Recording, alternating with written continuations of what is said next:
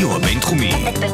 בינתחומי. 106.2 FM. הרדיו הבינתחומי. הרדיו החינוכי של המרכז הבינתחומי. לקום ישראל. 106.2 FM.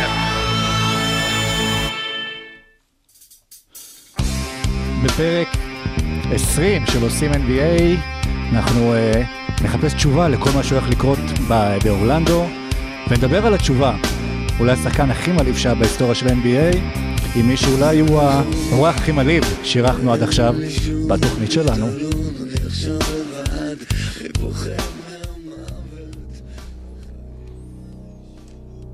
Ladies and gentlemen, welcome to OSIM NBA. Here are your starting five.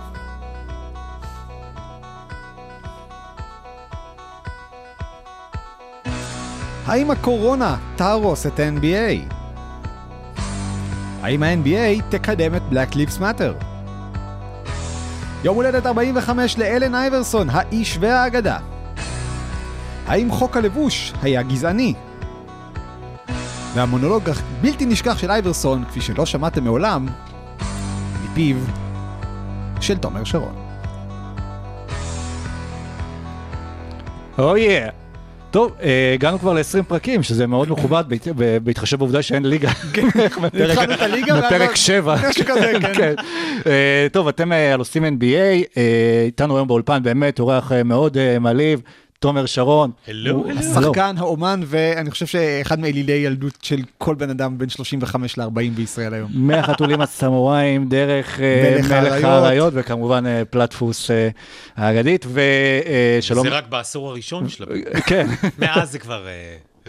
אה, זה כבר פחות. זה כבר פחות. כן, אולי זה הולך אולי עם הקריירה של אייברסון, אבל זה, כן. האמת שכן, חשבתי לדבר על זה. כן? יש- יש קווי דמיון. כן? באמת שיש קווי אז דמיון. אנחנו נשמע עליהם מיד בהמשך, שלום ערן סורוקה, מה שלום שלומך? עידן לוצקי, אה, בסדר גמור, אנחנו כאן כל עוד אה, מרשים להקליט. כל עוד מרשים אה, להקליט, כן. אנחנו ננסה להקליט כמה שיותר פרקים לפני שאנחנו חוזרים לסגר ולפרקים בזום. בדיוק, ונזרוק אה, מילה טובה לווינס קרטר, ששבוע שעבר עשינו לו פרק פרידה, והיום החליט לעשות לעצמו פרק פרידה. אז מיד אחרי שתשמעו את פרק 20, רוץ אחורה לפרק 19, אתם כבר יודעים שאנחנו עוברים, אוהבים לשמוע פרקים קדימה אחורה. ואנחנו עכשיו אה, נתעדכן קצת מה שקורה בשבוע האחרון ב-NBA, קדימה, בואו נצא לדרך.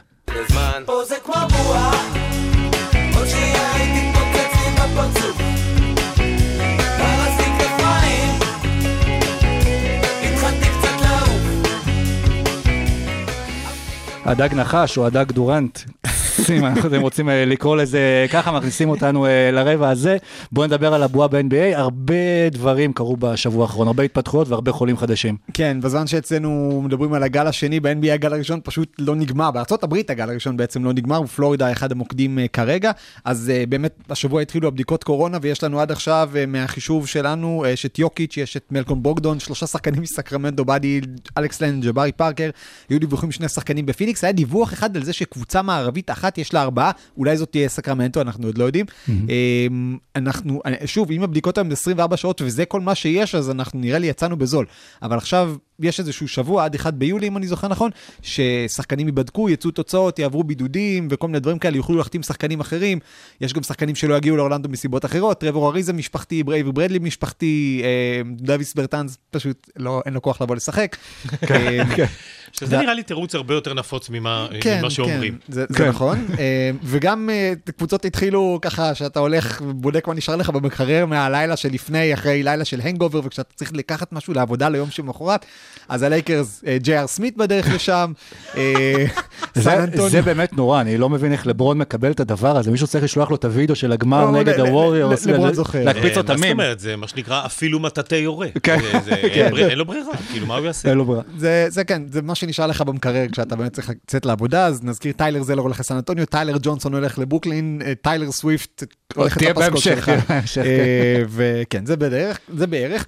רגע, רודי גובר החלים? אה, בגדול כנראה שכן. אני חושש לגשת למיקרופון הזה. כן, נגענו קצת אה, לפני, אבל מה שכן זה- הוליד לנו אולי את ה beef הכי הזוי בהיסטוריה של ה-NBA בין דוויס ברטאנס לאיוון פורניה, שאגב הם שני שחקני פנטזי אגדיים שלי, אני צריך? לציין, אז סגר, ניסינו לסגור אוקיי. את זה בחדר הלבשה, אבל זה לא... הם סרבו להיות באותו חדר הלבשה. בדיוק, כן. כן. רגע, בפנטזי יש חדר הלבשה? זה מעניין. זאת אומרת, יש כזה מחלקה שאתה אני- אומר, אני עובר לחדר הלבשה? אני חי בסרט שכן, אני כאילו קם כל יום אה, שני אחרי מצ'אפ, ו- וכאילו אומר למה אמרתי לשחקנים שלי, מה אנחנו מצפים מהשבוע הקרוב, וזה, וזה אף פעם לא עובד, אבל אה, כן. פעם פגשתי אגב את ג'אזה פצ'וליה כשהוא היה בישראל, ודיברתי איתו על זה, והוא התעלם ממני. בסדר, להתעל- התעלמות מאדם כזה, זה, אתה יודע, זה יותר מיחס ממישהו אחר. כן, ל- ל- לפחות- לפחות הוא לא שבר לך שום איבר, אז כבר תהיה בתור התחלה. השאלה אם בכלל אנחנו, אנחנו, יש איזשהו פילון בחדר שאולי בכלל אנחנו נגיע לסוף יולי והקורונה תהיה במצב כל כך גרוע ששחקנים פשוט יגידו, אנחנו לא רוצים לשחק. המצב בפ- בפלורידה גם ממש מחמיר ברגע הזה, וזה כאילו גם מה שגורם לאנשים לחשוש שזה, שזה לא יקרה בסוף. אה, זה יהיה א', מאוד מבאס, כי אנחנו כבר כולנו בתוך הראש שזה אה, הולך אה, לקרות. אני לא רוצה להגיד בתור דוגמה לגברים, כמו מה זה מקביל, כי אנחנו עדיין ברדיו בינתחומי. בדיוק. אבל תנסו לדמיין, אחר כך אני אגיד לכם בפרטי. אבל זה ממש חשש גדול. נראה מבחינת ה-NBA שהם באמת עושים הכל כדי שזה יהיה כמה שיותר בסדר. מנסים להוריד את החשש של השחקנים, אבל בסוף אתה לא יכול להתמודד עם, אה, עם אנשים שמפחדים על הבריאות שלהם. כן. והנה ברטנט זה אחד מהסנוניות הראשונות, ואברי ברדלי, ש... או אברי ברדליף, עם- ש... שלא רוצים להגיע לשם. לא, אבל אצל ברדלי זה בגלל הבן שלו, שהוא כאילו נכון. רוצה להיות עם הבן שלו. אגב, גם טרבור אריזה, עם, אה, כאילו עם אותו סיפור שלו, בדיוק כן. עם הבן שלו. כן, זה- זה- לדעתי זה מסוג הדברים שאי אפשר באמת ל- ל- ל- להחזיק איזו עמדה גדולה ו- ו- וחזקה מולם, כי מה אתה יכול להגיד לבן אדם על הבריאות שלו, על הבריאות של הילדים שלו, על ה... או אפילו על אה, חוסר היכולת לראות את המשפחה שלו במשך חודשיים. נכון. זה גם אה, כאילו, אם אומרים לך, עזוב את הילדים שלך לחודשיים, זה לא כזה דבר פשוט.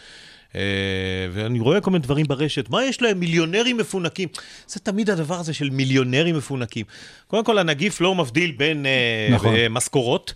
אה, ואי אפשר לבוא בטענות, אה, כאילו, אה, אפשר רק לפנטז ש... שאתה אומר, אונה, זה אנשים צעירים בסך הכל. אז אתה אומר שייכנס להם הנגיף של ההיגיון, והם יגידו, אוקיי, מה כבר. באמת הסיכוי שיקרה לי משהו מהדבר הזה הוא כל כך נמוך בעצם, עד גיל... עד גיל של סורוקה. בגיל שלי זה כבר כאילו, I'm fucked. אתה עוד- בקבוצת סיכון. אני, כן. זהו, אני גמרתי, אני סיימתי. אה, אני לא מריח כלום פתאום, אני לא יודע למה. כן. אה, אה, ממש ואני לא מעז- ואני לא מעז לטעום את. המיקרופון.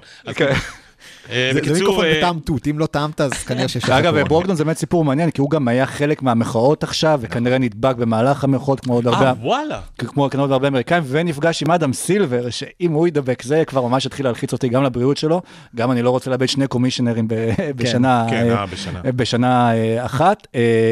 וכן, זה קצת מתחיל להלחיץ, שוב, גם מענפי ספורט אחרים, ג'וקוביץ' וזה, פתאום ספורטאים ואנשים מפורסמים אה, יותר ופחות מתחילים להידבק, וזה חשש, והשאלה אם יש להם איזשהו רף באמת, שבו הם אומרים, אוקיי, פה אנחנו באמת באיזושהי בעיה, צריך לבצע חשיבה מחדש, או שאומרים, הולכים עם זה עד הסוף. צריך לזכור שבסופו של דבר, אה, מה שמנחה את ה-NBA ועדיין מנחה אותם, את זה שהקבוצות גם דיברו על זה שאיזה 200 עובדים בנמל התעופה של אורלנדו רק נמצאו חיובים, השחקנים לא הולכים לטוס מסחרי, כלומר הם לא הולכים לעלות איתך לטיסת בריטיש, אה, בטיסת דלתא מספר 2357 ולמלצרית תבוא. יש להם מטוסים פרטיים לכל הקבוצות האלה, והם יגיעו לבד, ויצאו לבד, ויהיו לבד, וכל הזמן הם רק עם עצמם. וינסו שיהיה כמה שפחות מגע, וגם אמרה את זה מישל רוברטס מארגון השחקנים, כמה שפחות מגע בינם לבין איזה שהם גורמים מהעולם החיצון. והמטרה זה שלאורלנדו לא יגיע אף שחקן עם קורונה, כדי שנתחיל מנקודת אה, פתיחה טובה. מה יקרה אחר כך, אלוהים יודע. דיברו על אה, ה-NBA של ה-90, שהיה מאוד אלים, לעומת עכשיו, שאם אתה שם יד על המגן, אז זה כבר נחשב עבירה. עכשיו בכלל אסור לשים יד על המגן, אז דברו על ה-NBA זה של ריחוק הקורונה. חברתי, כן, זה זה- רק שמירה לדעתי אזורית, זה וזהו. זאת אומרת, מטר וחצי, זהו. השאלה אם עוד שחקנים אבל פורשים, יש איזשהו ערך לספורטיביות. אה, שוב, הלייקרס. מאבדים שחקנים, כן, בדיוק, זה תלוי מי פורש ו... לדעתי הליגה קודם כל עוקבת אחרי הבריאות של הכוכבים. לא כן, יעזור בית דין. הכל לא. אם פתאום לברון, או אני לא יודע מה, אנטוני דייוויס, או כל מיני אנשים בקליבר הזה היו פתאום נדבקים, אז היו אומרים, אוקיי, כל עוד כאילו באמת הסופרסטארים אה, נמצאים, אז זה כאילו מבחינת הקהל... אה, מי שמביא את כאילו הכסף איכשהו עדיין בסדר, כן. בדיוק, אותם אנחנו באים לראות וזה, אבל אנחנו גם באים לראות קבוצות. ואייברי ברדלי... אני חושב שזה מכה, מכה, מכה. באמת מכה, מכה.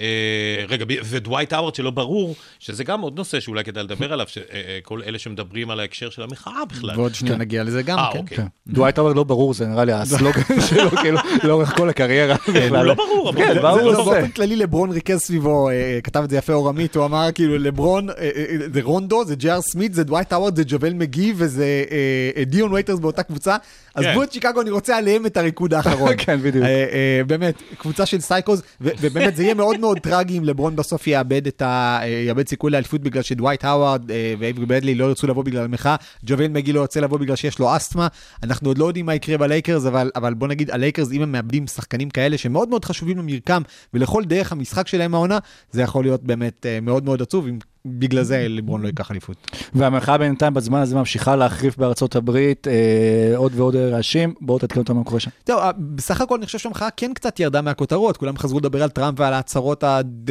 הצהרות והצהרות ו- וכל מיני דברים, ושהוא מפסיק לעשות בדיקות.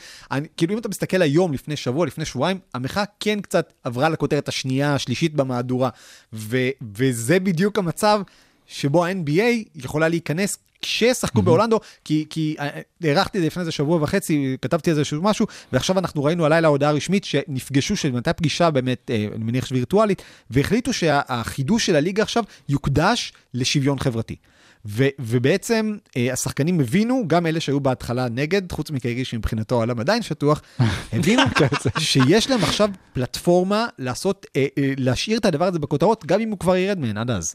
זה בדיוק מה ש- מה שהעזתי להגיד באיזה דיון שוצף באינטרנט, הרי אני מובטל ואין לי מה לעשות, חוץ מלריב עם אנשים באינטרנט ולהשניא את עצמי עוד יותר.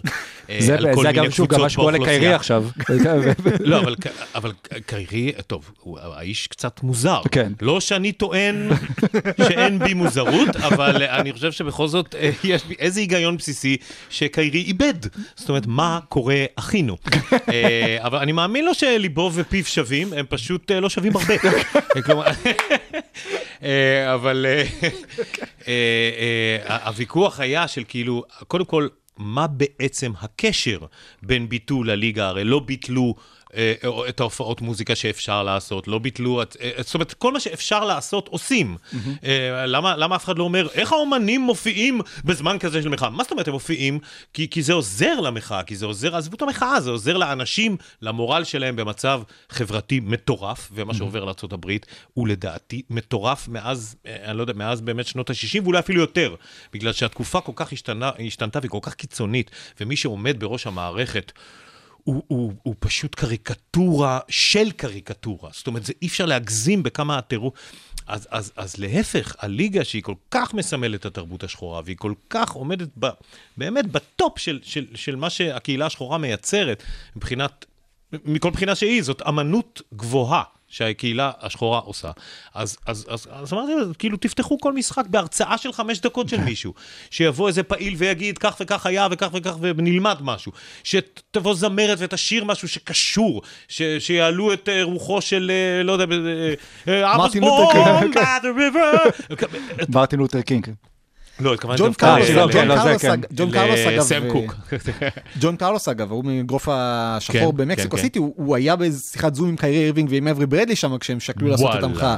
ודווקא מהצד הזה שכאילו לא כדאי לחזור לשחק. אז זה, זה מוזר בעיניי. כן, אבל אני חושב שבאמת בסוף ההיגיון מנצח. כלומר, להקדיש את ה-NBA עכשיו וליותר תמיכה בעסקים שחורים, הם הודיעו שהם הולכים לעשות. נכון, בדיוק. ולעשות איזשהו תקנון. ה-NBA עצמו זה עסק שחור, סליחה. זאת בדיוק. אה, לא של. קוואמי, אבל כן. כן. קצת אה, חוץ מהבעלים. היה פודקאסט מצוין של הווארד בק עם מרק ג'יי ספירס מה-Undefeated, והוא מספר שם שבכל פעם שיש ב-NBA גם את מרק טייטום, סגן הקומישיונר שהוא שחור, וגם אה, מישהו, אה, אוסוריו סטירוט, אני חושב, שאחראי, אה, או אחראית על, ה, על השונות, על ה diversity בליגה, וכל פעם שמתפנה משרה, הם הולכים ומציעים פיזית מועמדים, אה, מה שנקרא people of color, שחורים, אסיאתים וכל מיני דברים כאלה, כדי לעשות יותר שונות, ואומרים, אוקיי, אתם לא חייבים לבחור אותם, תראיינו אותם, תנו להם ביטחון שיש להם את היכולת הזאת. ובאמת, אנחנו רואים עכשיו שיש כבר עשרה ג'נרל מנג'רים בליגה, למרות שרק חצי מהם הם בעלי הסמכות הרשמית. שמונה מאמנים, ואנשים חשבו כאילו, למה ה-NBA כל כך נגועה בגזענות, שרוב האנשים שם עדיין לבנים? קודם כל, רוב הבעלים לבנים, ואתה עדיין נוטה לבחור מתוך קבוצת הייחוס שלך. אבל עשיתי איזושהי בדיקה, כמות ה-CEOs אה, בארצות הברית, השחורים, אתם יודעים על כמה עומד האחוז? 3.2. כלומר, בהשאלה ל-NBA, אם ה-NBA הייתה, היה תמונת מראה של אמריקה, היה manager שחור אחד ב-NBA ומאמן שחור אחד ב-NBA. יש לנו ש- בסך הכל 18, כולל שני הטריים, טרוי וויבר ומרק אברסלי, בדטרויט ובשיקגו. אז כן, הדבר הזה משתנה, והוא ישתנה עוד יותר על רקע המחאות שיש עכשיו.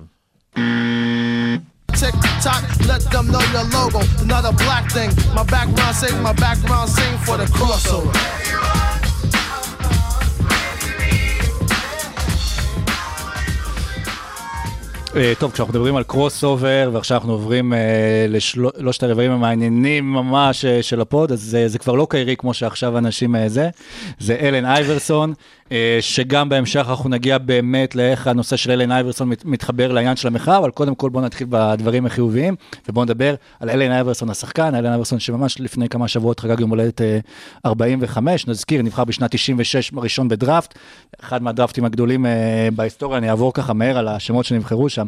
אה, מרברי, ריי אלן, אנטואן ווקר, מרקוס קמבי, פז'ה, ג'רמיין אוניל, אילגאוסקס, עבדור-רחים, לורנזו רייט, קרי קיטלס, שאני אוהב אותו מאוד אישית, ועוד כמה בינוניים, אה, סטיב נש, סטיב נש, זה- כן, זה- קובי בריאנט ודורון שפר. אה, דורון שפר. אני חושב כל נכון, פעם עם- דורון שפר. עם- וטרוויס נייט. וטרוויס נייט. ומרטין מיורספ. אני חושב כל הזמן עם דורון שפר, מרטין כאילו, מיורספ שהיה במכבי. ו- ו- מרטין מיורספ כן. נבחר בסיבוב הראשון, כולם היו בטוחים שזה הולך להיות דורון שפר, כי דיוויד סטרן חייך ככה. כן. ראיינתי את מיורספ לפני איזה שנה, שנתיים, לכתבה כאילו על, על הדראפט של אז, והוא אמר כאילו שפר זה פשוט עניין של, של חוסר מזל. כאילו, אני רק חושב שנה. קדימה, שנה אחורה, כאילו, אה, דורון שפר היה נבחר סיבוב ראשון, נבחר 36 בדראפט כזה לא. משוגע, זה... זה- אני חושב שהוא היה שהוא היה כל כך. מתאים ל-NBA, גם כן, דורון נכון. שפר. הוא שחקן NBA קלאסי. אני חשבתי כאילו- שהוא היה אפילו- מתאים לשיקגו של 96. הוא היה יכול וואו, להשתלב שם. תאר לך, תאר לך. זה היה יכול להיות כל כך איך היינו יפה. נהנים מהריקוד האחרון עכשיו. כן. הריקוד למרות שלא האחרון. היה רע. לא. ש- ש- שפר היה ככה בחדר הלבשה, היו מראיינים אותו ואת סטיב קר ביחד על רוחניות ועל חיפוש עצמי. בדיוק, זהו. אבל במקום זה הוא היה... הולכים לאמירים והם אותו שם בטיפולים ההוליסטיים. אבל זה היה הדראפט של אלן אייברסון בעיקר, אה, שנבחר בו ראשון, הגיע מג'ורג'טאון אחרי אה, שנתיים שם, והגיע ושינה את כל ה-NBA. אתם מסתכלים עליי כאילו אני... אה, אני כן, אתה פה לאיזושהי סיבה. אה, חוץ מזה שאתה איש מצחיק. טוב, אה, אלן אייברסון זה קודם כל השחקן הכי אהוב עליי בכל הזמנים. זה הכדורסלן הכי אהוב עליי בכל הזמנים. אה, אני, זה קשה לי אפילו להגיד בדיוק למה, זאת אומרת, זה דברים כאלה שהם רגשיים, אפילו על סף היצריים, אה, אה, אה, הם, קשה לך לשים את הנקודה ולפרוט את זה לפרטים, למה בדיוק אתה הכי אוהב אותו. זה, זה התאהבות זה לא דבר רציונלי. אבל, וגם אה, בגיל מאוחר יחסית, זאת אומרת, כאילו, אתה יכולת לחשוב שבן אדם אה, כמוני, שהוא בן 50 אה, לפני חודש, שאלת. תנק יו, תנק יו. עכשיו הזמן להגיד, מה, אבל אתה לא נראה... אה, כן, רציתי- להיכנס לך לא, אבל. אתם יודעים, כי גדלתם עליי. וזה- בדיוק. אני אחד האומנים היחידים בארץ שאנשים יותר מבוגרים ממנו גדלו עליו, זה מטורף. זה אבסורד אה, קיומי. אה, זה הגיע עד לזה שההורים שלי, כן, שלך. אבל ההורים. שלי באים, רגע, מאיפה אתה מוכר לי? רגע, איפה שיחקת, תגיד? במרפסת. בפילדלפיה. בפילדלפיה. אז, אה, אז, אז זה באמת מוזר, כי זאת אומרת, השחקן הראשון שאני זוכר שאהבתי היה דוקטור ג'יי, אה, בחו"ל, זאת אומרת, אה, ואחרי זה כמובן היה מג'יק ג'ונסון. שהוא האליל שלי עד היום, ובגיל 20, ומתי אה, אלן אייברס נכנס לליגה? ב-96, שמעתי עליו לראשונה בדראפט של אה, 96, זה הייתי בן 26 כבר. זה כאילו בן אדם גדול, כאילו. אה, משהו אצל האיש הזה, אה, אוקיי, אגב, זה קטע. כאילו להתאהב, זה קטע גם להריץ מישהו יותר קטן ממך, כאילו ברמה כזו. זה, זה קורה לי הרבה, זה קורה, באמת, זה קורה לי, אה, כאילו, אני חושב שזה מראה על בריאות נפשית, כן. כי בדרך כלל, אה, אה, אני יודע שזה נשמע מוזר כשאני אומר את זה על עצמי, אבל, אבל אה, נראה, נראה לי שכן, זאת אומרת, אתה, אתה לא מפסיק להעריץ גאונים. אה, אתה יודע, יש מוזיקאים שהם היום בני 21, ואני חושב שהם geniuses, כאילו, למה שאני לא אעריץ אותם? אז ראיתי בן אדם שהוא קודם כל נמוך וקטן. עכשיו, בתור בן אדם שהיה כל חייו נמוך וקטן, אה, ממש ממש הכי קטן. זאת אומרת, הייתי ממש הג- הגמד של הבית ספר עד גיל... אה, אני חושב 16, נראיתי כמו ילדה בת 12, זאת אומרת הייתי לגמרי late bloomer, וגם שיחק כדורסל וחשב לאיזושהי תקופה שאולי הוא יכול להיות טוב בזה, והחלום שלו היה להיות כדורסלן, עד שגילו לו, לקחו אותו הצידה בצד, יום אחד המורה, ואמר לו, תשמע תומר, אף אחד לא סיפר לך את זה, אבל אתה גמד. אז כאילו, במונחים של כדורסל, אתה יודע, אתה מטר 75, 6, זה לא ילך, אה, אתה צריך להיות תופעת טבע. וה- ואלן הוא התופעת טבע הזאת. הבן אדם מטר 82, אה, משהו כזה. ביום טוב. ביום טוב, בדיוק עם נעליים, מה שנקרא. אה, עם פלטפורמה. נעליים צבאיות, כן.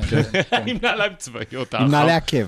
כן. אה, אה, זה באמת קשה להאמין, זה כמו, זה כמו מייקל ג'ורדן בגוף של אדם נורמלי. זאת אומרת, לא בגוף של אל רומאי, רומאי קצת פחות מתאים לצבע, אה, איזה אל אפריקאי, אה, אלא בגוף של אחד שהוא, שהוא כמוני כמוך כזה. והבן אדם הזה מצליח להיות ארבע פעמים מלך הסלים מול המגדלים הבצורים האלה ששומרים עליו כל היום, והוא מת... ועד... אה, פקטור שתיים, הוא מתאבד. אני תמיד אה, רציתי להתאבד ולא היה לי את האומץ, לא סתם. אני תמיד... כזה פתאום וידוי לא קשור. אה, ולכן באתי הנה היום ואני אעשה את זה כן, בשידור. חי. אה, הרייטינג שלנו קופץ לשמיים, עשה את זה, ממש עשה את זה. זה הקריין מהחתולים הזמורן. אה, וואו, אולי צריך את ברגי שידרדר. וואי, סורוקה אתה. וואי, זה לא יאומן. אה, אני מס- אני מסמיקה פה. תראה, יש פה את הסאונד, אני מיהרתי להכניס, אבל בואו... אה, הדדיקיישן, שאני אני זוכר שככה הייתי משחק כדורסל, בגלל שהייתי כזה קטן, וגם אחרי זה בקריירה השנייה שלי בכדורסל, אני קורא לזה שזה ספורטק ומשחקי שכונה וכל מיני כאלה. אני, זה, זה המקום שלי להיות... אה, אה, עם, עם, עם דם בעיניים, כאילו אני לא בן אדם כזה, ובשביל זה יש ספורט, בש- בשביל לשים את המקום הזה של, של בן אדם שרוצה עם, להתחרפן על משהו, אה, בגבולות החוקים פחות או יותר, אז הוא עושה את זה במגרש, והערצתי את ה... זאת אומרת, הוא לא הפסיק לרגע הכי לרצות, הכי לרצות. אה, אגב, מגניב שאמרת ספורטק, כי אייברסון נראה לי השחקן הראשון שאתה ראית שכאילו זה הרגיש לך שהוא בא לשחק בספורטק, שהוא לא בא לשחק ב-NBA, הוא ממש כאילו בא לספורטק, מבחינתו זה קטע שגם כולם לובשים את אותם בגדים ולא משחקים בלי חולצות וזה, והרגשת כאילו ממש ספורטק אמיתי, ואני זוכר אז את התקופה ממש ברחובות, ואני אז הייתי בגיל 14 או משהו כזה, 15, כולם עם המכנסיים הארוכ- הארוכים, מנסים לחקות את אייברסון ברחוב, הולכים מכדרים, קורן רורס בשערות, כן. וכולם רוצים להיות אלן אייברסון. נכון. הוא, הוא היה האליל של ה-inner city kids. הוא, הוא באמת הביא את התרבות הזאת אה, למיינסטרים, אנחנו נדבר על זה בהמשך, אבל באמת האנשים שהריצו אותה, ברובם זה אנשים שכן, יכלו להתחבר למג'יק ג'ונסון, יכלו להתחבר לאייזיה תומאס, שאגב היה גם קצת מאותו מולד של, של אה, אייברסון, אבל אייברסון מבחינתם היה כל החבילה. עכשיו מבחינתי אייברסון, אני זוכר ממנו שני דברים. קודם כל זה את המבט המודאג בעיניים. הוא היה תמיד נראה כי משהו, משהו רילנטלס, משהו חסר מנוחה. וזה גם כמובן עם כל הרקע שלו, אבא בכלא על סמים, אמא שילדה בגיל 15 ועבדה בזנות למחייתה, הקטטות, המאמר והפוטבול, הכדורסל. זה הבן אדם שהיה, שמעתי פודקאסט שעשו איתו אה, לפני כמה חודשים, והוא אמר, אני, תמיד היה לי משהו בראש, כאילו מבחינתי הכדורסל היה המפלט. על המגרש הייתי מוצא שקט, הייתי מוצא מנוחה, אה, וכשמה שקרה לי בבית, מה שקרה במשפחה שלי התחיל להפריע לי, כבר לא יכלתי לשחק יותר טוב. אבל אייברסון מבחינתי, אז קודם כל העיניים המודאגות האלה, שתמיד מחפשות את ההזדמנות, מחפשות את הפתח, והתמונה השנייה מבחינתי של אלן אייברסון, זה אלן אייברסון קם. אחרי שהוא נפל. כלומר, אתה לא זוכר איך הוא נפל, אתה זוכר שבסוף הוא קם, לפעמים חברים מרימים אותו, לפעמים הוא מתרומם לבד, אבל זה בדרך כלל היה אחרי איזשהו קרוס קובר, שבו הוא זרק הצידה איזשהו שחקן, ו- ו- והוא עלה וניסה לקלוע על איזשהו שחקן מאוד מאוד גבוה בדרך כלל, או על איזה שק, או על אה, אחד מהענקים האחרים של אותה תקופה, ומישהו מהם ריסק אותו לרצפה. ובדרך כלל הוא גם כלה את זה. ואז הוא היה קם, כזה מנער את עצמו, ועושה את אותו דבר בהתקפה הבאה. וזה כן. היה כוח התמדה. הבן אדם הזה היה פשוט חסר מנוחה.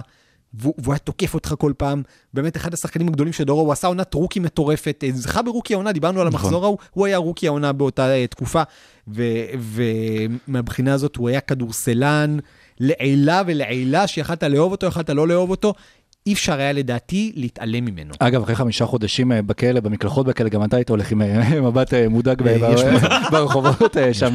אה, ואלן אייברסון גם אני שוב, חושב שהמודאגות זה מהילדות, כן. זה- הרבה מלפני. נכון, מה מה שהוא נכון. עבר אה, עם ההורים. הבחנה מאוד יפה. וזה גם להפוך להיות כוכב, שוב, הזכרנו רגע את המחזור דראפט של 96, אז כל כך הרבה כוכבים פוטנציאליים, אבל שהפכו באמת לסופרסטארים, Hall of Famer של NBA, ולהיות בטופ ולהיות הכוכב, וזה שכולם מעריצים, זה משהו מדהים, ואייברסון באמת אה, התחיל את הקריירה בצורה מטורפת, וכנראה הרגע שהכי סימל אותו, שהכי, אם לג'ורדן יש את The Shot, אז האייברסון זה ה crossover על מייקל ג'ורדן, שהוא בא אליו אה, בלי פחד, כן. וזרק אותו. תחשבו עכשיו על אייברסון בימים של היום, כאילו עם כל המימים ויוטיוב ורשתות חברתיות, כמה מהלכים שלו היו מציפים את הרשת. עכשיו אין... אי אפשר לתאר. ה crossover היה גדול, אני חושב שה walkover היה אולי עוד יותר גדול. אנחנו נזכיר, 2001 הלייקרס היו קבוצה מטורפת, עשו פלייאוף ש- 11-0, הגיעו לגמר, משחק ראשון, נחו פחות או יותר איזה חודש, כי פילי ומילווקי הלכו מכות על משחק שביעי, ואז אייברסון מגיע לסטייפל סנטר, אה, אולי אפילו בעונה הראשונה, לא, אחת העונות הראשונות של הסטייפל סנטר, ובמשחק ראשון נותן שם את ההצגה, אחת, אחת הכי גדולות שאני זוכר משחקן, 48 נקודות, מנצח את הלייקרס בחוץ, וכולל את הסל הזה בהערכה, ואז עושה, הולך כזה בהפגנתיות מעל טאי לו, והוא, והוא סיפר שטאי לו, כאילו מבחינתו הוא שנא אותו, כי טאי לו גדל על אייברסון, היה כאילו האליל שלו, והנה מישהו בא לנצח אותו. ו, ו, ואייברסון באמת משך את כל המחזור הזה למעלה, והוא היה, מבחינת קובי בריינט, הוא היה מודל לחיקוי בהתחלה קצת, כי בריינט קינה בו ו, וניסה להבין אה, איפה הוא עומד מולו. ו, ובאמת, אחרי המשחק הזה, זה באמת היה משחק השיא.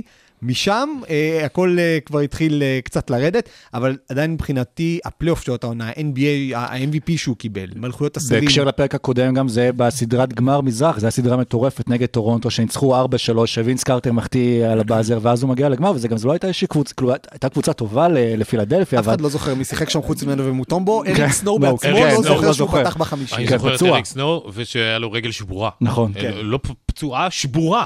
הוא שבורה. אח של. ג'ון סנואו?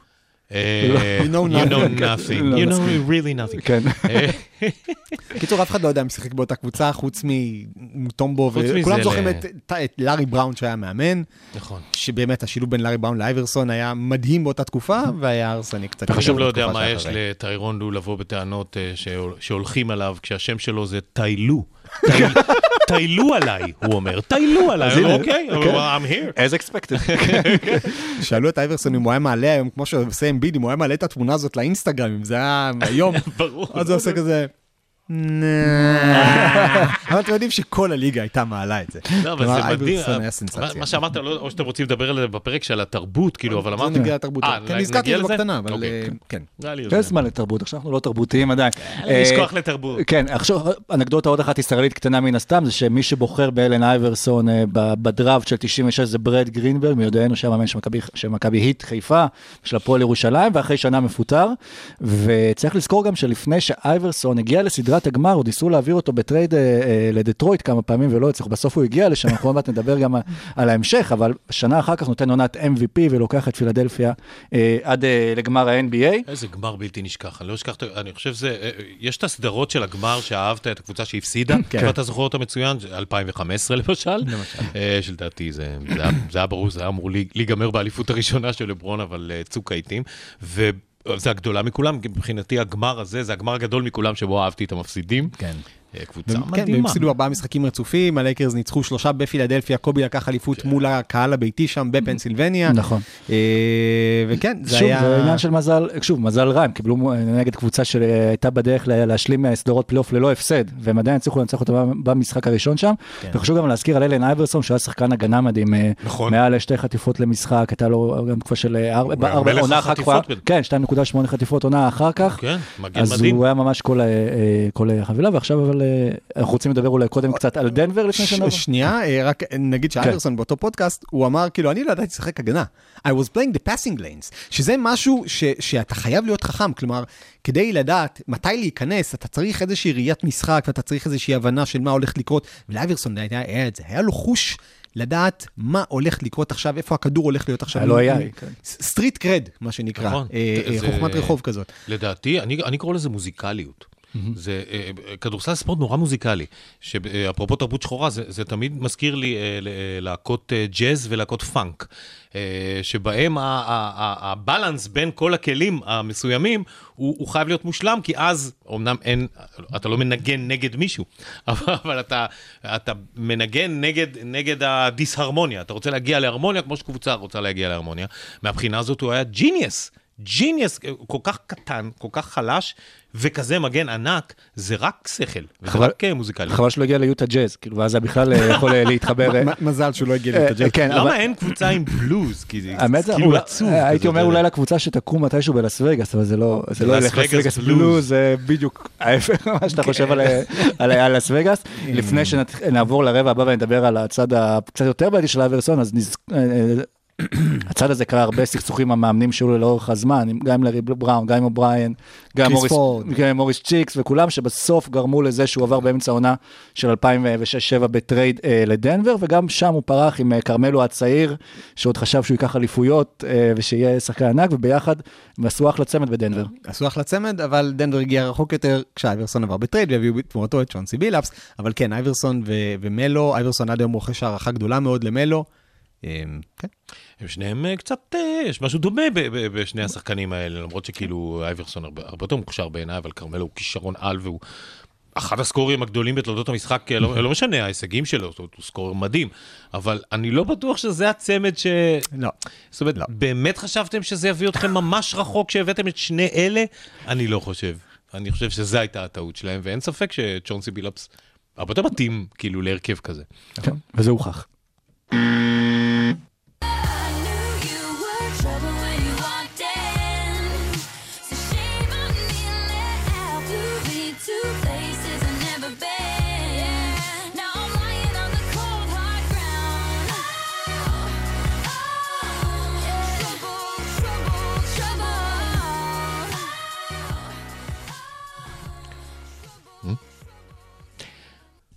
כל מי שיגיד לכם שהחסרתי אימון, ואם המאמן אומר שהחסרתי אימון וכולכם שומעים את זה, אז זהו זה. אני מתכוון, אני החסרתי אולי אימון אחד השנה, אבל אם מישהו אומר, הוא לא בא לאימון, זה יכול להיות אימון אחד מכל האימונים השנה וזה מספיק. אם אני לא יכול להתאמן, אני לא יכול להתאמן, בן אדם. אם אני פצוע, אני פצוע. אני מתכוון, זה עד כדי כך פשוט. זה לא העניין. תקשיבו, זה לא העניין, בכלל. אתם מבינים מה אני אומר? אני מתכוון, אבל זה, זה, זה, זה קל לדבר על זה. זה קל לתמצת את זה כשמדברים רק על אימון. אנחנו יושבים פה, אני אמור להיות franchise player, ואנחנו יושבים פה ומדברים על אימון. אני מתכוון, תקשיבו, אנחנו מדברים על אימון, לא המשחק. לא משחק. לא משחק. אנחנו מדברים על אימון, לא על משחק. לא על המשחק שאני בא אליו כדי למות בשבילו, ולשחק כל משחק כאילו זה האחרון. לא המשחק, אנחנו מדברים על אימון, בן אדם. אני מתכוון, כמה זה מטופש כשאנחנו מדברים על אימון. אני יודע שאני אמור להיות שם, אני יודע שאני אמור לשמש דוגמה, אני יודע את זה. ואני לא מזיז את זה הצידה, אתם יודעים, כאילו שאין לזה שום משמעות. אני יודע בשביל מה זה, אני יודע, בכנות אני יודע. אבל אנחנו מדברים על אימון, בן אדם. על מה אנחנו מדברים? אימון. אנחנו מדברים על אימון, בן אדם. אנחנו, אנחנו מדברים על אימון. אנחנו מדברים על אימון. אנחנו לא מדברים על המשחק, אנחנו מדברים על אימון, בן אדם. כשאתם באים למגרש ואתם רואים אותי משחק, ואתם רואים אותי משחק, לא? אתם רואים אותי נותן את כל מה שיש לי, נכון? אבל עכשיו אנחנו מדברים על אימון. אנחנו מדברים על... בן אדם, תראה, אני שומע אתכם, זה מוזר גם בשבילי. אני מתכוון, זה, זה משונה, זה משונה גם בשבילי. אבל אנחנו מדברים על אימון, בן אדם. אנחנו אפילו לא מדברים על המשחק, על המשחק עצמו, כשזה משנה. אנחנו מדברים על אימון. איך לעזאזל אני יכול לעשות את החברים שלי לקבוצה יותר טובים באימון? We talking about practice, not a game, not a game. אוי, תודה על זה. אוי. זהו, זה נהדר. אפשר לפרוש בשיא, אפשר לסגור את זה, הפודקאסט. כן. לא, לא נגיע טוב אני יותר אומר מזה. לך שזה ריגש אותי עכשיו בטירוף, וגם, כאילו שמעתי את עצמי קצת מאחורה ואמרתי לעצמי, אתה קצת עושה את אריק איינשטיין, נכון? נכון. ועכשיו אני חושב שזה לא מקרה, יש לזה סיבות פסיכולוגיות עמוקות למה פתאום יצא קצת הדיבור הזה. אני ביצעתי את זה פעם בערב שסיפרתי לך לפני זה, בערב של מונולוגים שלקחו שחקנים ואמרו להם בואו תעשו את המונולוג שתמיד חלמתם לעשות ולא יצא לכם במקצוע. אה, הבמאי של הערב אמר לי, תגיד לי, מה זה? מאיזה מחזה זה? אמרתי לו, זה שחקן אחד דגול שפחות מכירים אותו ב- ב- ב- בברנצ'ה הישראלית. בבוהמיה. הוא כן. הוא לא היה, כן, הוא לא מהקאמרי, הוא מהסיקסרס. הוא- כן. כן. בדיוק. וכשעשיתי את זה, אנשים היו בשוק. אה, כי יש בזה עוצמה דרמטית, אני לא צוחק עכשיו, יש בזה עוצמה דרמטית. אה, ומה זה עוצמה דרמטית? יש בזה עוצמה אישיותית אדירה, אה, למרות שאוצר המילים הוא כאילו, זה לא סתם שהוא, המילת מפתח הזאת, זאת אומרת, הוא מנסה להגיד לך משהו, והוא אומר אותו בכל כך בדרכים ובאופן, שוב, כל כך מוזיקלי, שזה פשוט מרגש. זה מרגש. 25 פעמים הוא אומר פרקטיס בקטע הזה, זה כאילו רמה של דף מסרים שמירי רגב לא לא הגיעה אליו, זה- זה- זה משוגע, כאילו, אוקיי, העברת את הנקודה, אבל... כן, זה כמו- ביבי, השמאל, השמאל, השמאל, אנחנו מדברים על השמאל, בן אדם. על מה אנחנו מדברים? אנחנו מדברים על השמאל. לא- לא- לא על המדינה שאני בא כדי לשמור עליה, לא, על השמאל. כן. אז אה, כן, אז ברבע הזה אנחנו נדבר על ה... מי- מי זוכר בכלל שטיילור סוויפט? כן. אה, על טראבל מקר, לאלן אייברסון, אה, הצד הפחות אה, נחמד שלו, שזה גם מן הסתם מקושר ל- לדר, למקום שבו הוא גדל ולמה שהוא עבר עם ההורים שלו ולשהייה בכלא, אבל זה גם חלק ממי שהוא היה בסוף, כאילו, אלן אייברסון, אה, כאילו מישהו הפך להיות, זה לא אותו דבר בלי כל הסיפור שיש מאחוריו. כן. אני חושב שהיה לו מנגנון הרס עצמי מאוד מאוד מפותח, שנבע מזה שהוא סירב, אה, אנחנו מדברים היום, וגם דיברנו על וינס קארטר בשבוע שעבר, שחקנים שיכולים להשתנות. אייברסון לא יכל להשתנות, הוא היה תמיד על, תמיד על 200. הוא היה תמיד שחקן שחייב לפתוח בחמישייה, תמיד שחקן שחייב שהכדור יהיה אצלו ביד, ותמיד שחקן שחייב שהזרקורים יהיו עליו. ברגע ש... ו- ובאמת, הוא שיחק אצל ארי בראון, והוא לקח את פילי הכי רחוק שאפשר. ובשנים שאחר כך התחלפו סביבו המון שחקנים, וניסו להתאים לו שחקנים, וניסו להתאים לו מאמנים, וניסו להתאים לו מנג'רים. ו- וראו שאייברסון, אני שוב לא יודע, האיש, אנחנו מדברים על המנהיגות שלו. האם זאת הייתה מנהיגות חיובית? שאלה מעולה, שאלה מעולה. אה, אני, אני, אתה יודע, אנחנו לא מכירים אותו, אתה יודע, אין, אין לנו את האינפורמציה שיש עם חמש דקות עם בן אדם באותו חדר, שהיא הרבה יותר מכל מה שאנחנו יודעים עליו.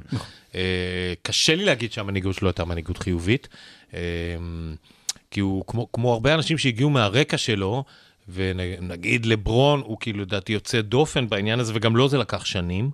Uh, האנשים האלה הם, כמו שאמרת, עם מבט מודאג. המבט המודאג הזה זה בעצם חרדה עצומה.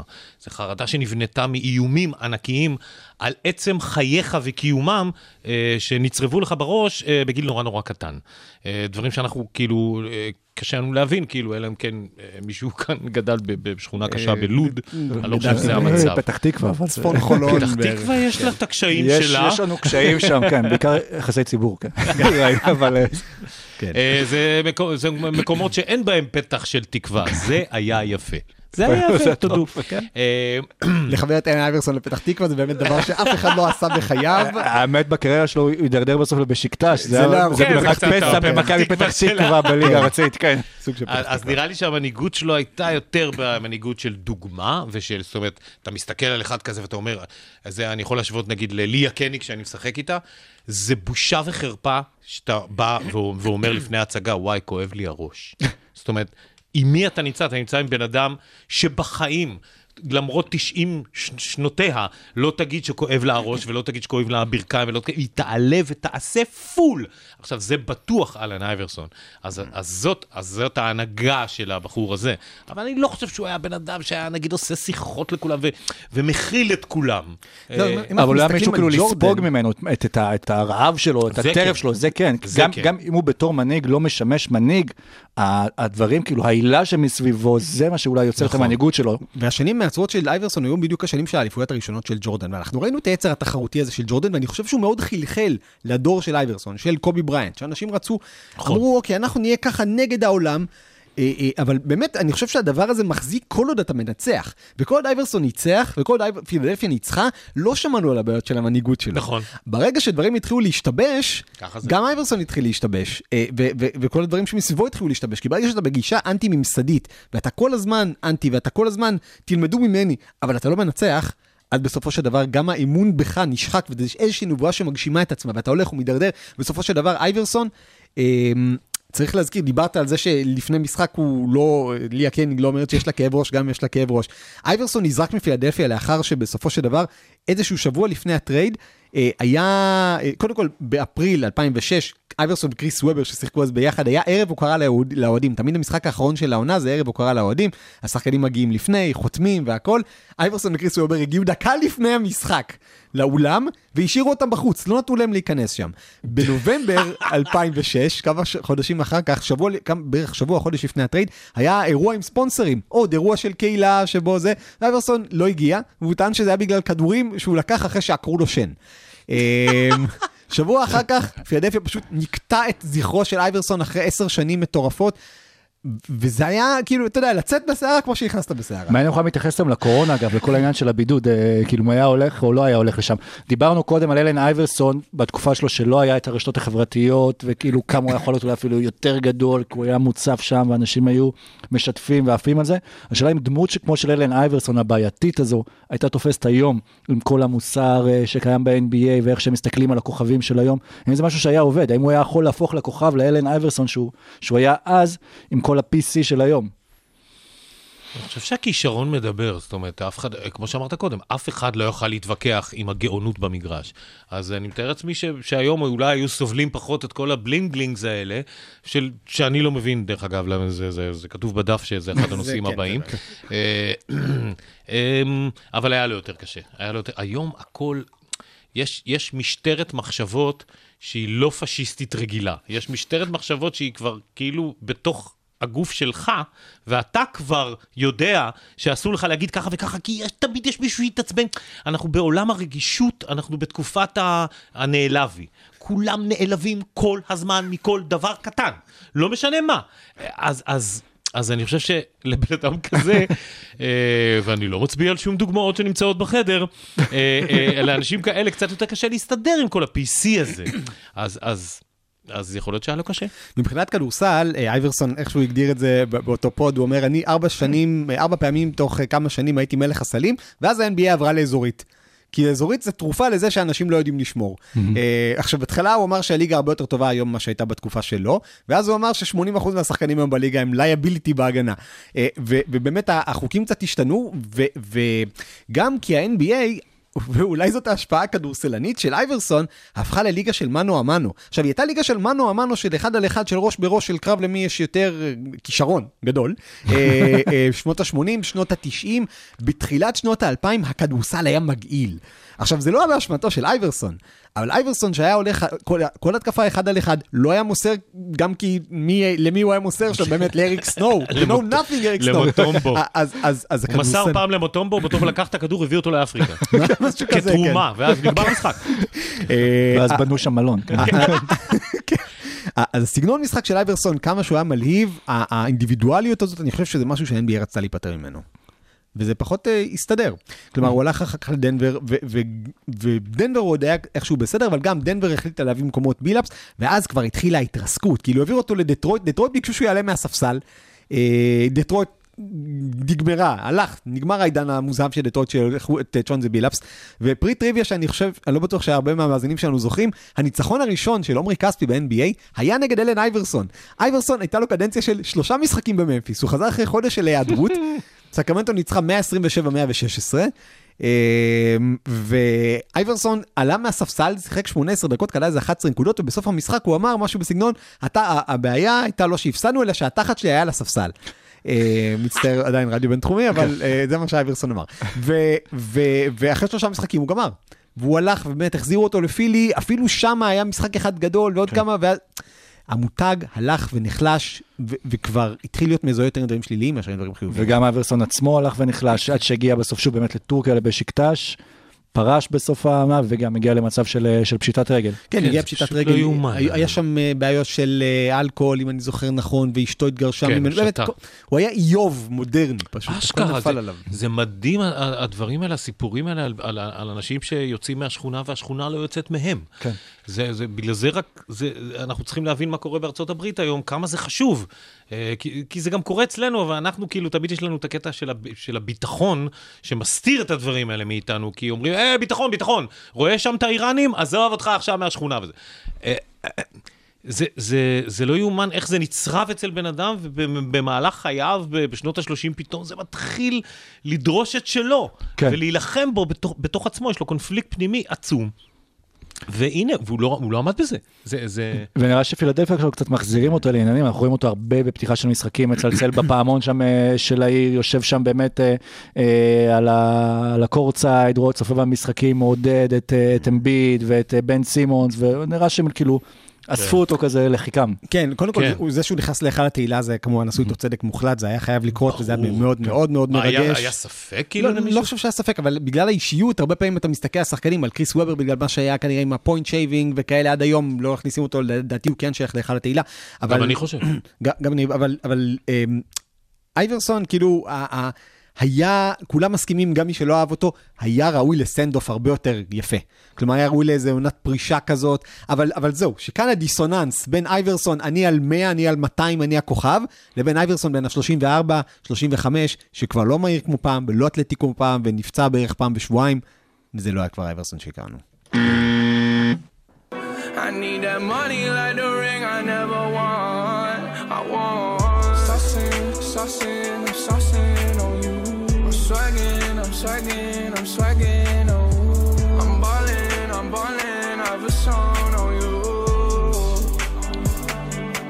כן, טוב, פוסט... אוקיי, זה נגמר. פוסט מלון זה מוקדש למשחק הפוסט של קרל מלון, של קרל אחד מלון. הפרקים הקודמים שלו. אה, כן, פוסט מלון, אנחנו נדבר עכשיו באמת על ההשפעה, על התופעה אלן אייברסון, כמה הוא השפיע על התרבות, והנה פוסט מלון זה אחת הדוגמאות, עם השיר שלו גם White Iverson, שזה שיר ממש עליו, על כל התקופה וההשפעה שלו עליו. השיר אגב, ה meaning שלו, קראתי עליו קצת יותר, זה יותר על ה cornrows שלו. כאילו שהוא בזכותו הוא עשה את, ה, את, ה, את התספורת הזו אה, אה, אה, בשיער, ואלן אייברסון הביא את תרבות ההיפ-הופ ממש, כאילו הייתה כבר בצמיחה, אבל הוא כאילו קיבע אותה ב-NBA גם מבחינת הלבוש שהזכרנו קודם, ואחר כך זה הגיע גם לחוקי הלבוש של דויד סטרן, גם מבחינת החיבור של מוזיקת ההיפ-הופ ל-NBA, כמו שתומש אמר קודם, ממש שחק לפי הביט, אלן אייברסון. כן, זה ממש ככה. כן, זה ו- ממש ככה, אם אתה, אתה, אתה יכול לנתח את זה אפילו מוזיקלית המשחק, ממש. לפעמים אתה רואה מה זה סינקופה. הרי סינקופה זה כאילו משהו שהוא בניגוד לקצב, אה, שזה הרבה מסירות, נגיד אתמול ראיתי סתם, אה, אין לי מה לעשות כי אני מובטל, אז, אז אני רואה כל מיני דברים של כדורסל היסטורי. אז ראיתי את ג'ייסון וויליאמס, כאילו. עכשיו, זה, אצלו זה, זה כל כך ברור שזה בראש שלו יושב ב sound bites. זאת אומרת... אה, כאילו הוא משחק עם soundtrack בתוך המוח. כאילו. יש בזה משהו, ואני זוכר שאני הייתי משחק מלא עם, לפעמים, היינו מביאים כאילו אה, בומבוקס. אתה יודע, ואתה אומר לי, אתה אומר... משחקים איתו גם ביחד. שסורוקה אומר על, התקופה הזאת, גדלתי עליך, גדלתי עליך, אני גדלתי עליו תוך כדי שהוא היה. אגב, אומרים אבל- שככה קרים התחיל את ה- את ה skyhook כשהוא הלך עם בומבוקס, ואז זה נשאר עם היד ופשוט התחיל לזרוק. וואו, זה הסבר גאוני. כן, אני אני אנסה להפיץ את התיאוריה הזו בטוויטר מהיום בלילה. כן. תגיד- זה שגם העולם שטוח. כן, העולם זה שטוח. כאילו בומבוקס עצום. עצום ממש, זה- גם, תשמע, הוא מוטת הוא ידיים. שתיים- זה- הוא שתיים חמ- חמישים ותשע, לא כן, אבל קרים בפעם אחרת, כן. היום אנחנו ביום חמים, כן. אה, זה היה נורא, סליחה. אבל כן, לא, אי- לא, זה בסדר. אחד בשעה מותר, אתה יודע. כן.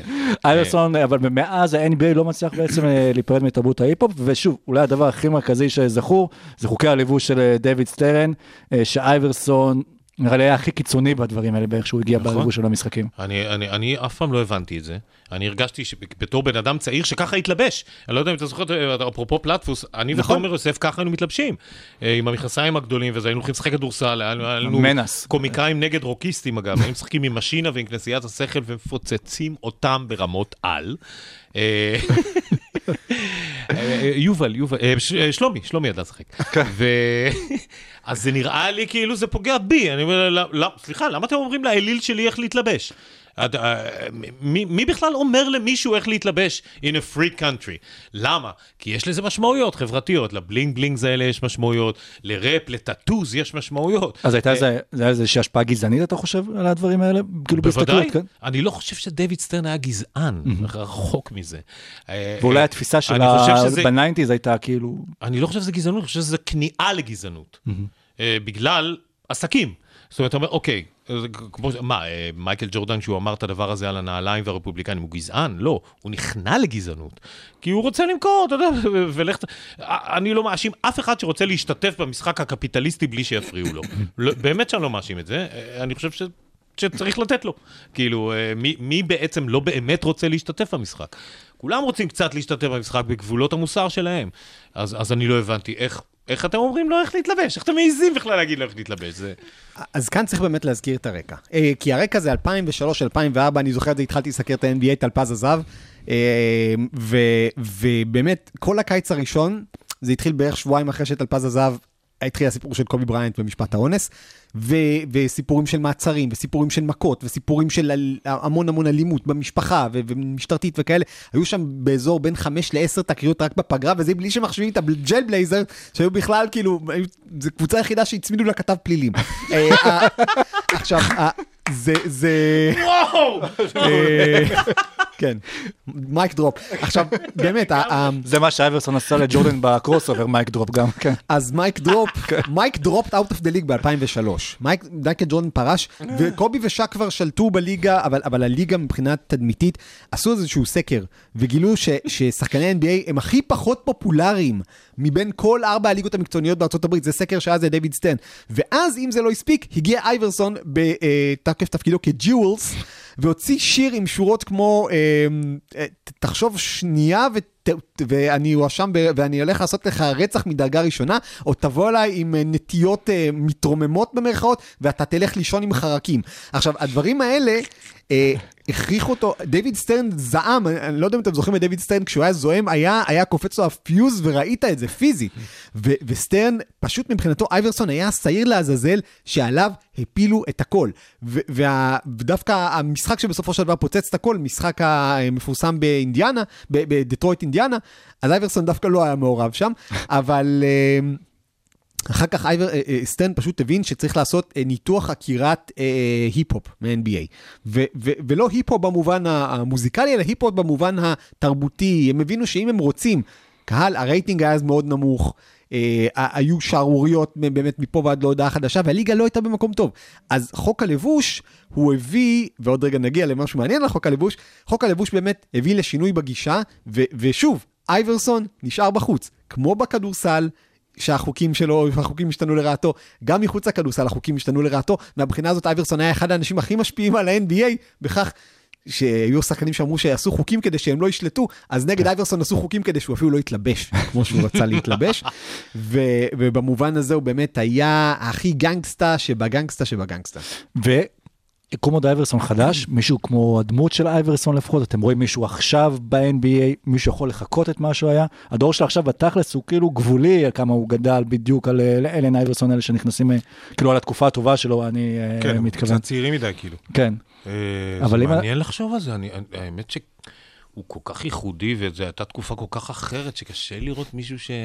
אבל שוב, אני חוזר, בוא נגיד ככה, העניין של מעורבות חברתית ושל להגיד את דעתך, אף פעם לא היה פופולרי בספורט האמריקאי, אה, ראה מקרה קולין אה, קפרניק. קפ, קפרניק, אה, ו- וכל הספורטאים ש, שאי פעם... אה, אתה יכול לחזור לג'סי אורנס, שאיזה איזה קבלת פנים הוא קיבל, זה סיפור ידוע ועצוב מאוד, מה שקרה לג'סי אורנס. אה, אייברסון היום היה מקים איזושהי קרן פוליטית כזאת? כלומר, היה הולך ו... הוא עצמו, אני לא, הוא כמושג אולי כן, אבל הוא, האיש עצמו לא היה עושה את זה, לא נראה לי שהוא היה מתעורר בזמן. אה, אבל לברון עושה את זה. אני חושב שייקח כמה שנים עד שיבינו מה, מה התרומה של לברון לקהילה השחורה, לא, לא כדמות שיש להעריץ, ברור שיש להעריץ אותו, או כאדם שתרם המון כסף, אלא כבן אדם שמתעקש להמשיך לדבר.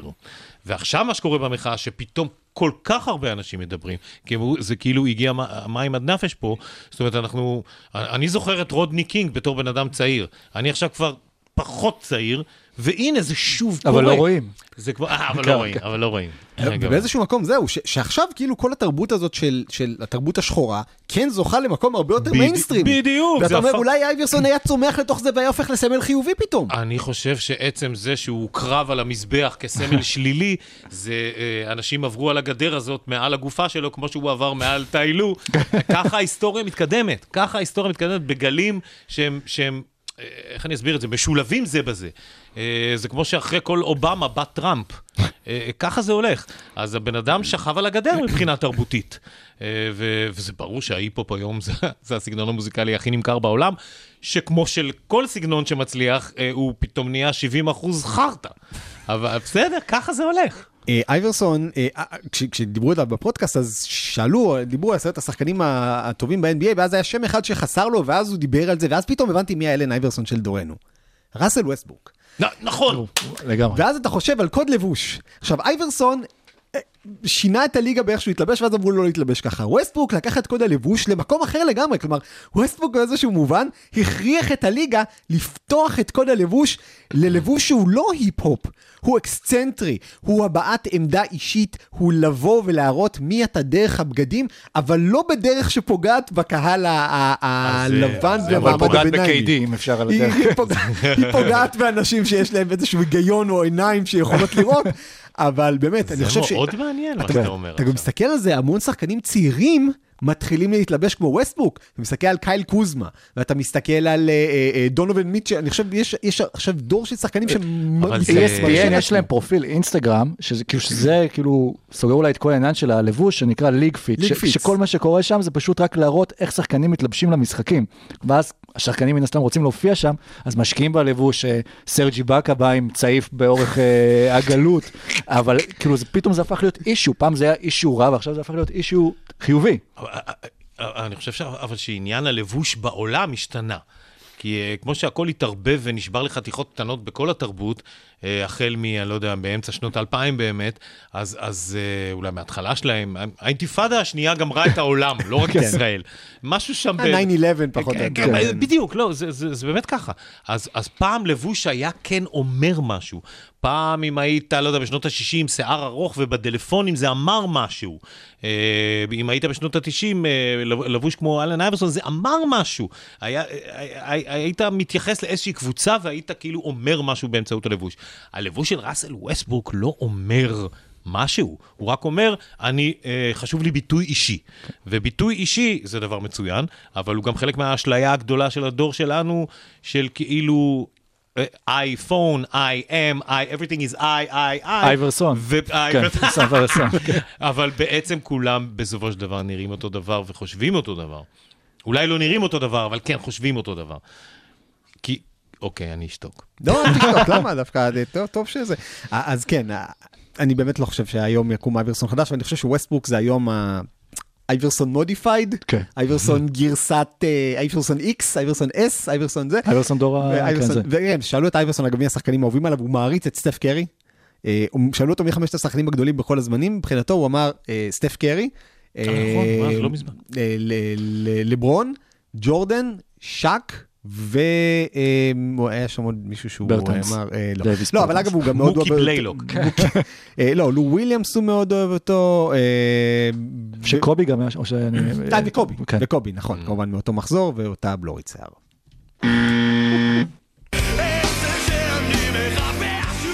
טוב, מצאנו תשובות, אתם מרגישים מחוזקים יותר? מצאנו את התשובה? כן, נראה לי שהתשובה איתנו. אפשר ללכת להניח תפילין. הרבה יותר קרוב לאלוהים. תומש היה מעניין בטירוף. אה, גם איתכם, תענוג איתכם. איזה כיף. המונולוג של, אה, של, אה, של האימון הוא לא יישכח, הוא היסטרי. גם בשבילי. גם נעלה אותו. כמובן, גם. בנפרד אחר כך לרשתות שתוכלו ליהנות ממנו. תודה רבה לך שבאת להתארח תודה איתנו. לכם, חברים. תודה רבה ערן סורוקה. תודה רבה עידן לוצקי. וכן, אנחנו נתראה בפרק הבא, פרק 21, בתקווה שעדיין הליגה תהיה כאילו באוויר. להתראות לכם.